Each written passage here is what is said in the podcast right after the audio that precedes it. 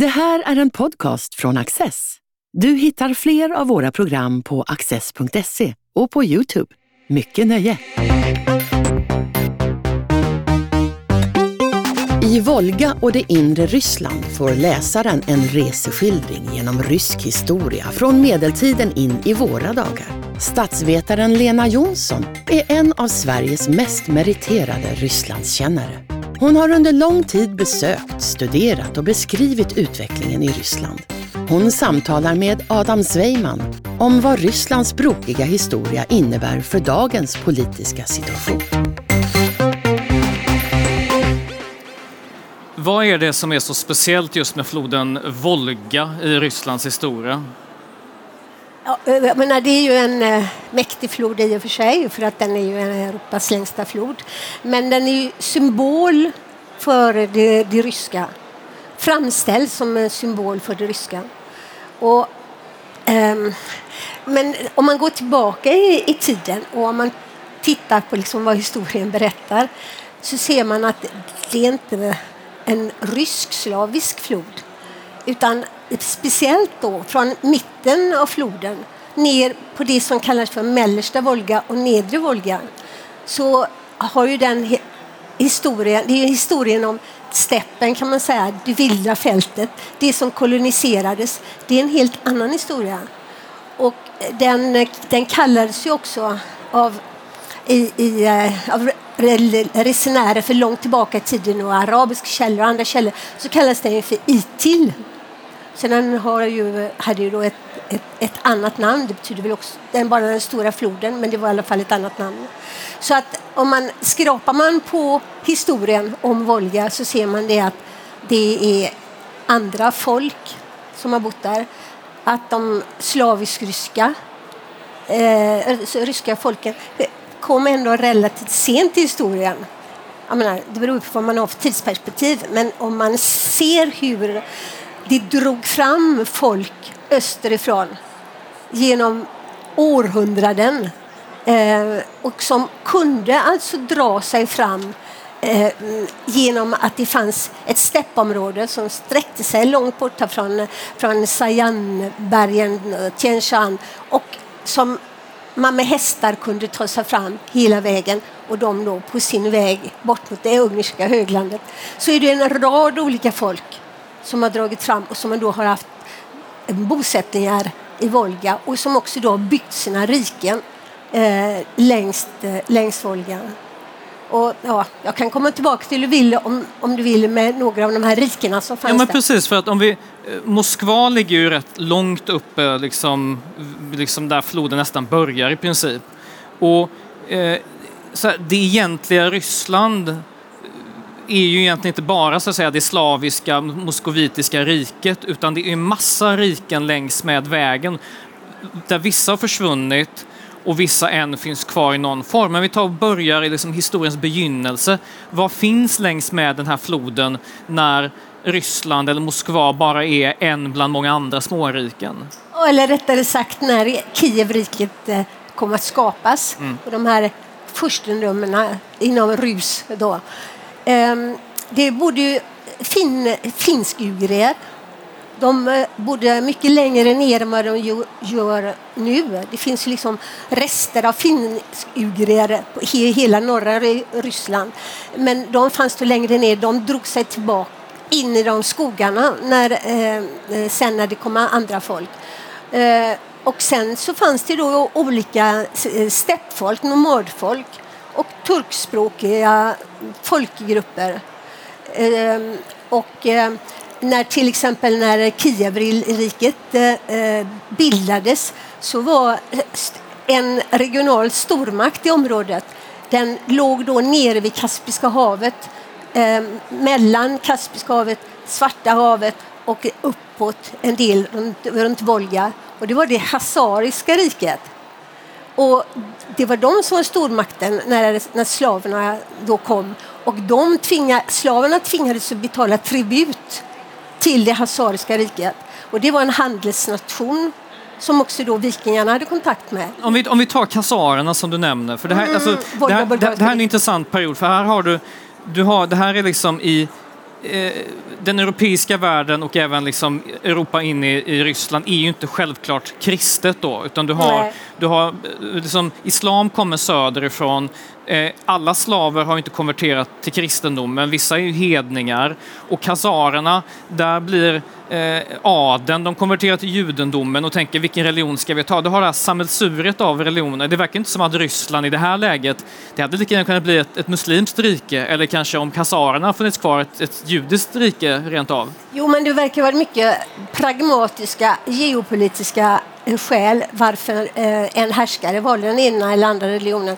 Jag menar, dels då att den hazariske eh, eh, ledaren väljer judendomen. Det är ju för att liksom markera sin särart gentemot mot islam och gentemot bysans kristna. Men, och, Eh, eh, och likadant då det Volga-bulgariska rike som låg där uppe där Volga möter Kama ungefär. Eh, det gick ju till, över till islam 922. Det är alltså den datum som man brukar ange, för det var en arabisk diplomat som kom på besök eh, och som nedtecknade det här. Men, men det är alltså innan eh, den ryske härskaren övergår till, till, till kristendomen. För det är ju då 988. Så att det är olika religioner och var, varje, var och en av de här ledarna verkar ha haft pragmatiska storpolitiska skäl till att de har valt det ena eller det andra. Mm.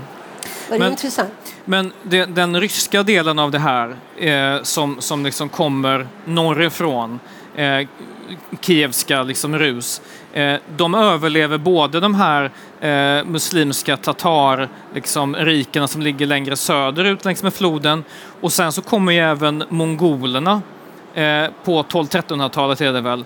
Och, och, och, de sveper ju hela vägen till, till Ungern. Hur, hur kan det här liksom begynnande ryska riket överleva det som händer?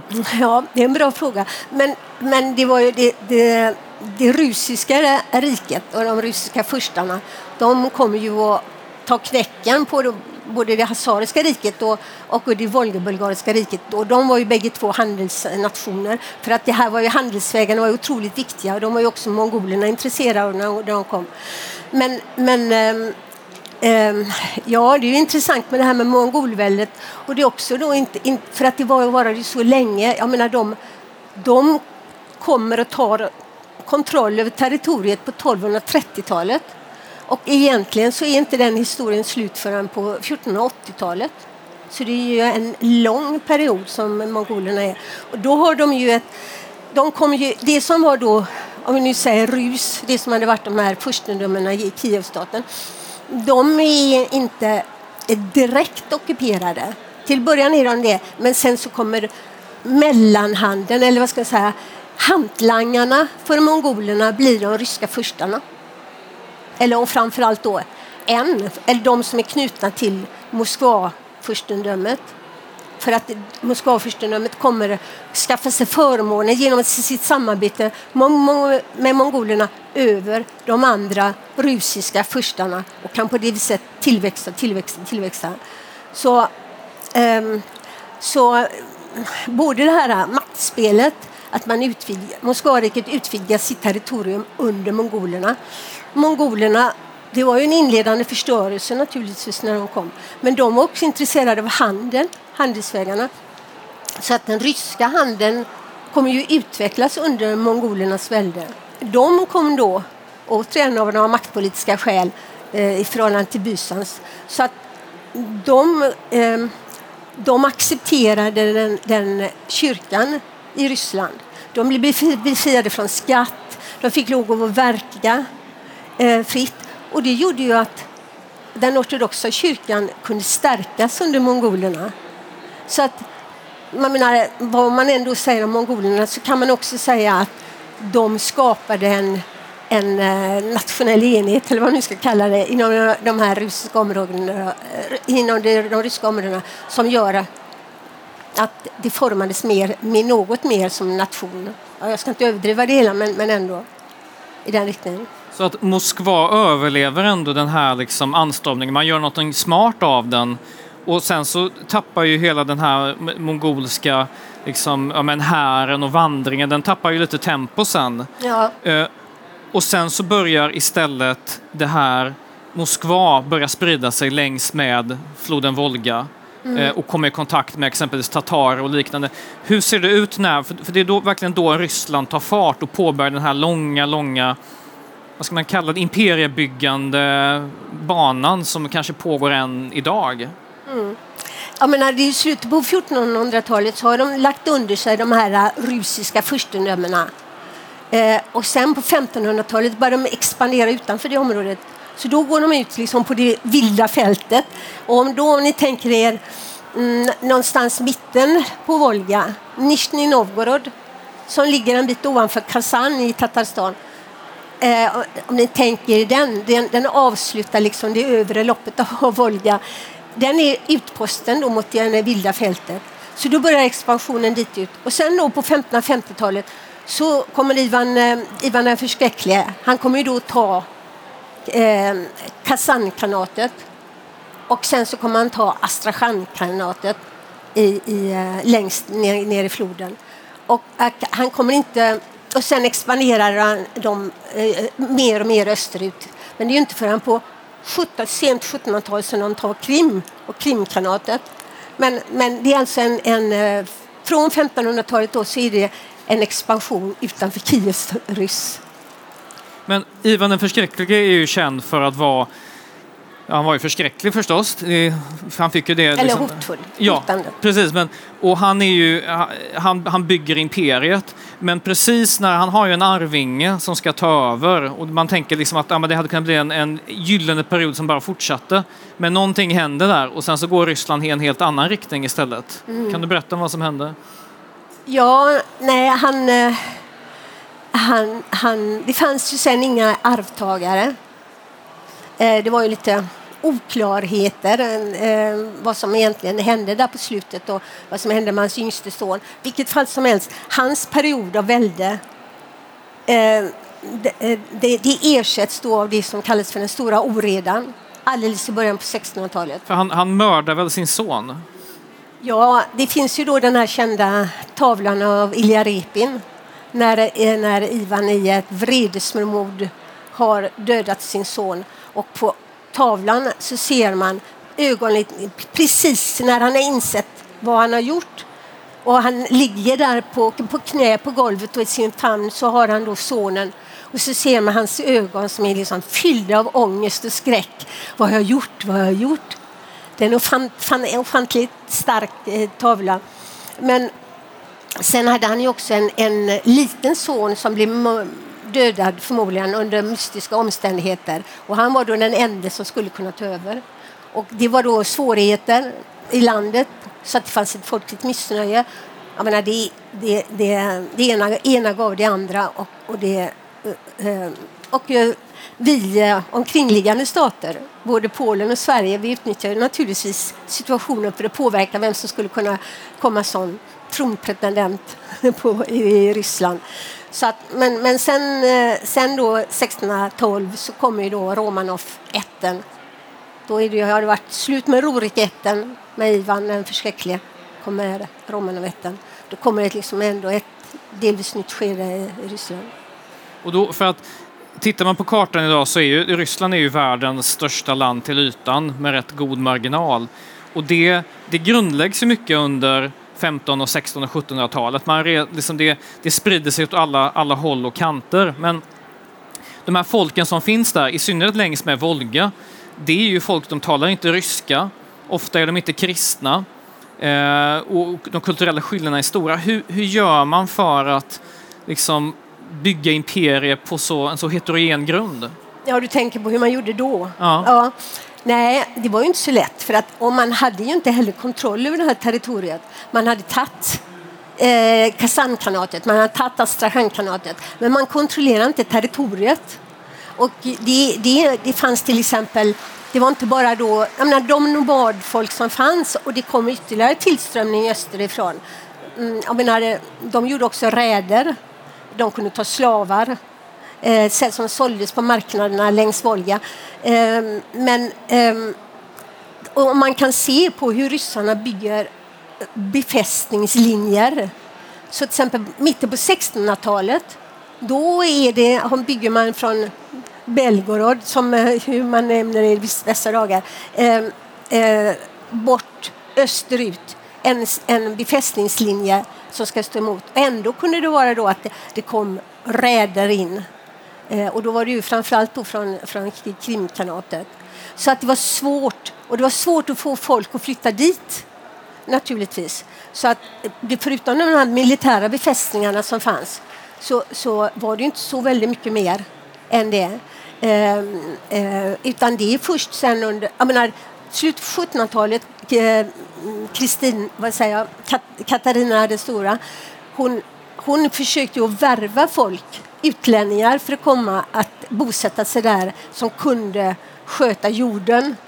Så att till exempel på det viset kommer det då många eh, eh, protestanter mm, eh, som tyska protestanter av olika schatteringar som blev inbjudna dit eh, och som skulle då eh, vara jordbrukare. Mm, men så att det är egentligen inte förrän under 1800-talet med den industrialisering, modernisering och allting som börjar dra igång och som ger arbetstillfällen och en medveten politik att, eh, in, att eh, få en rysk bosättning eh, till området som det här området börjar att mer komma under kontroll. Mm. Så, så lång tid tar det då. Men de här, de här områdena då, som man liksom, i början har man knappt någon kontroll, det är någon sorts vasallstater. Och sen så blir det mer och mer en del av liksom det egentliga ryska imperiet längre och längre ner längs med floden Volga. Men ändå det, det här är ju befolkningar som i många fall inte ens identifierar sig som, som ryssar. Eller så är det kanske en, en viss procent som du har bosatt sig. Men man har ju som du säger alltså, tyska menoniter och det kommer liksom folk från alla världens hörn och, och, även då från det inre Asien och så vidare. Hur, hur håller man ihop det här? Säg när, liksom när vi kommer till 1900-talet och Sovjetunionen uppstår som egentligen har ärvt det här gamla tsarryska imperiet. Hur gör man för att hålla ihop allt detta? Mm. Ja, piska och morot brukar ju vara bra, men, och det kan man ju balansera, de två instrumenten. Men, men om man ser på slutet på, på 1800-talet och sen under början på 1900-talet så jag menar, Tatarstan tycker jag är ett speciellt intressant område för att det är ju det område där Kasankanatet låg, där Volga-bulgariska riket låg, som övergick till islam så tidigt. Det har en annan identitet, ett annat, annat folk, det har väldigt mycket eget. Ehm, eh, och då växte det ju fram i början på, här, början på 1900-talet en, en nationell rörelse bland dem som inte hann formas ordentligt politiskt. Men, men det här när, när första världskriget hela det tsarväldets samma, sammanbrott. Jag menar, det var ju flera faktorer som samverkade där. Miss, eh, nederlagen i kriget, ett socialt ekonomiskt missnöje och nationella krav från olika folk som krävde eh, att de skulle få någon, få någon form av självstyre.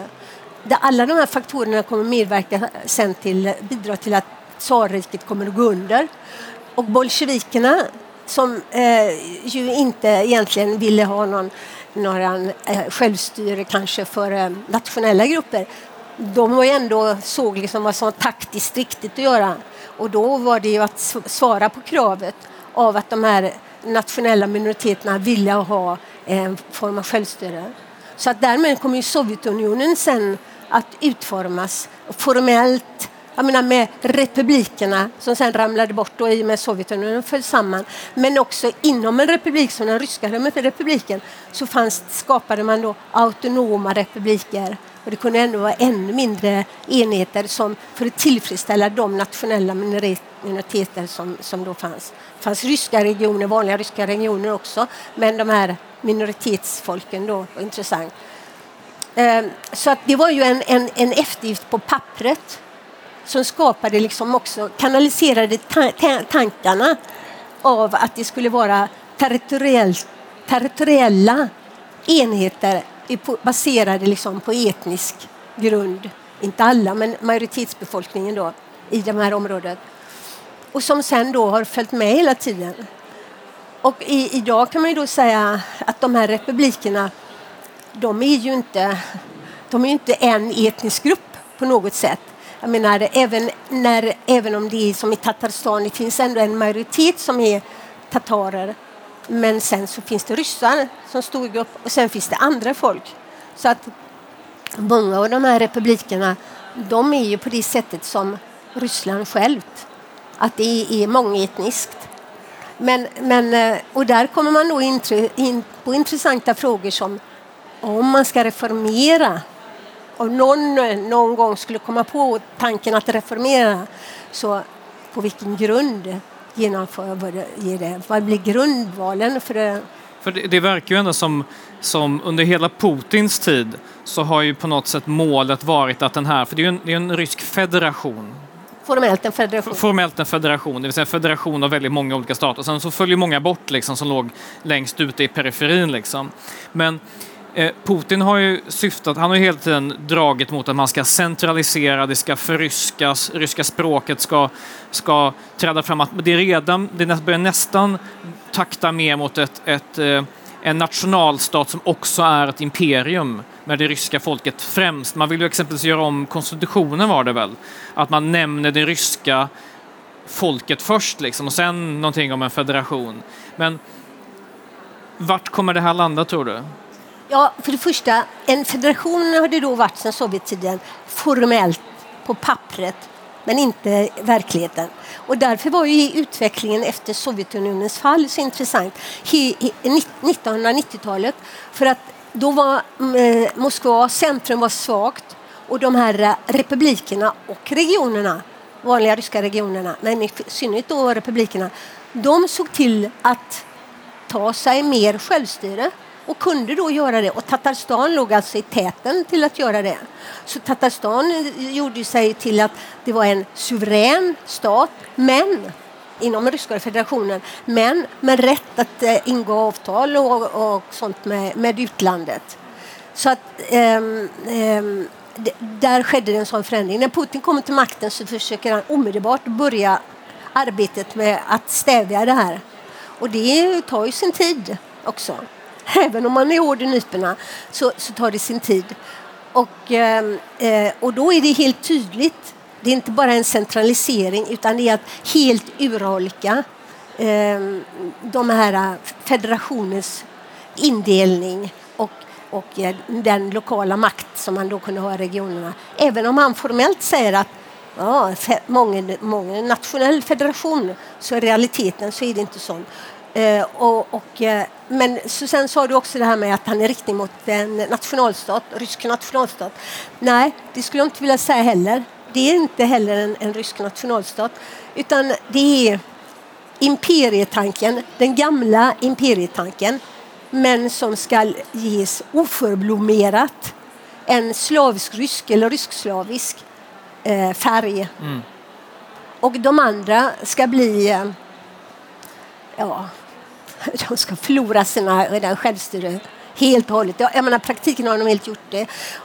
Man kan se, man kan se då en sån här sorglig sista kamp som eh, Putin såg då till att de här republikerna skulle inte få hitta presidenter som de hade tagit sig den möjligheten då under 1990-talet.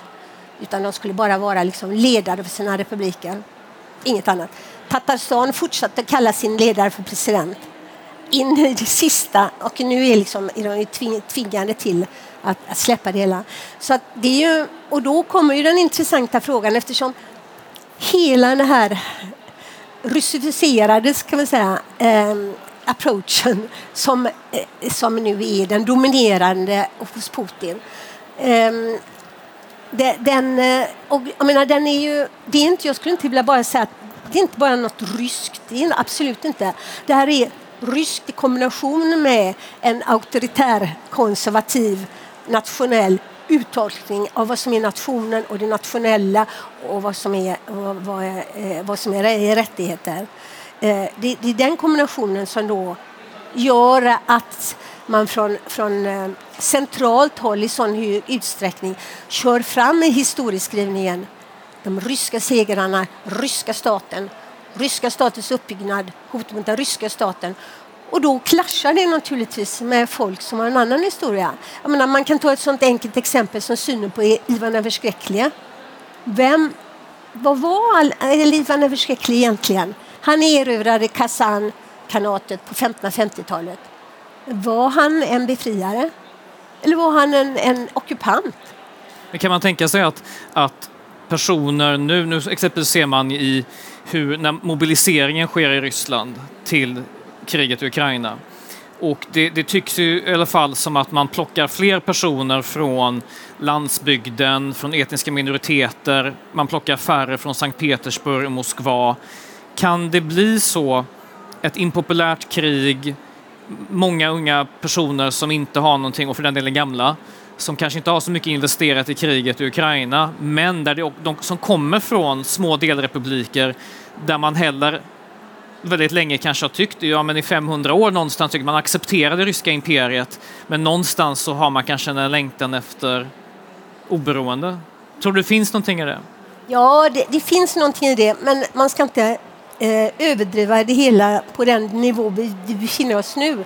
Men, men när det var så att man skulle ha de här så kallade frivilliga som man betalade ordentligt för att de skulle åka och dö i Ukraina, eh, då var det ju framförallt eh, från fattiga regioner som det åkte folk. Nu med den här eh, så kallade partiella mobiliseringen så kan det ju slå mot vem som helst. Då kommer det ju slå också mot de stora städerna. Jag såg någon siffra att där de bedömde att det skulle vara 16 000 som man skulle ta från Moskva eller något sånt där. Jag menar, då började det plötsligt också drabba, äh, drabba ryssar.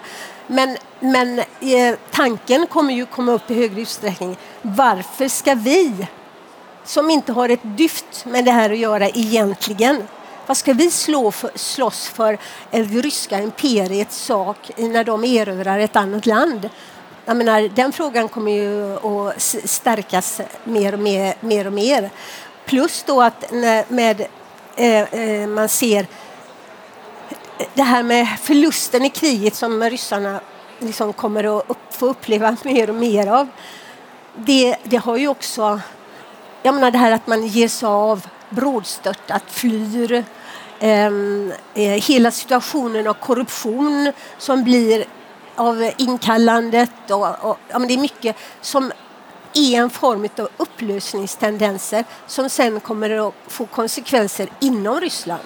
Plus sådana där saker som att man eh, när man nu eh, när man nu har bildat, när man bildade i alla fall de, de här frivilliga enheterna, då gjorde man det på regional basis. Alltså, det kunde, republikerna fick i uppgift att de skulle sätta samman de här frivilligstyrkorna som skulle åka till Ukraina. Och eh, alltså på republi republikbasis. Det är ju ändå intressant att det är på republikbasis. Och då gav man dem också nationella namn, de här enheterna. Och eh, eh Kadyrov, i, eh, presidenten i Tjetjenien, som ju är väldigt mycket för att ställa upp för, för Putin. Han sa ja, vi är ju en federation så att eh, det är ju upp till de enskilda republikerna. De har ju möjlighet att själva se till att få, få till stånd den här mobiliseringen som vi behöver för att förstärka oss i Ukraina. Plötsligt då så börjar man prata om federationen, republikerna, republikerna skulle ha rätt. Jag menar, det finns så mycket i den här situationen som plötsligt kan vändas till, någonting annat och som kan plötsligt bidra till att de nationella kraven växer och, eh, eh och, och kan få ett inflytande i samarbete jag ska säga, i samverkan med andra upplösningstendenser som vi förmodligen kommer att se. Jag menar, än så länge kanske så ser vi ju bara sådana här eh, tecken på detta nationella missnöje som till exempel som jag skriver om språkfrågan. Att man, att man kör över de nationella språken eller historieskrivningen eller sånt där. Men, men det ligger ett underliggande missnöje någonstans eh, som under, vad ska jag säga, gynnsamma eller ogynnsamma omständigheter kommer att börja koka. Tack så mycket Lena Jonsson. Tack. Och tack så mycket ni som kom hit. Tack.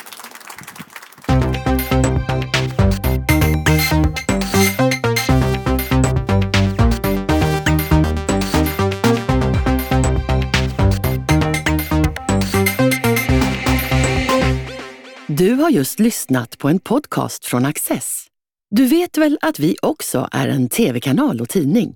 Teckna en prenumeration idag på access.se.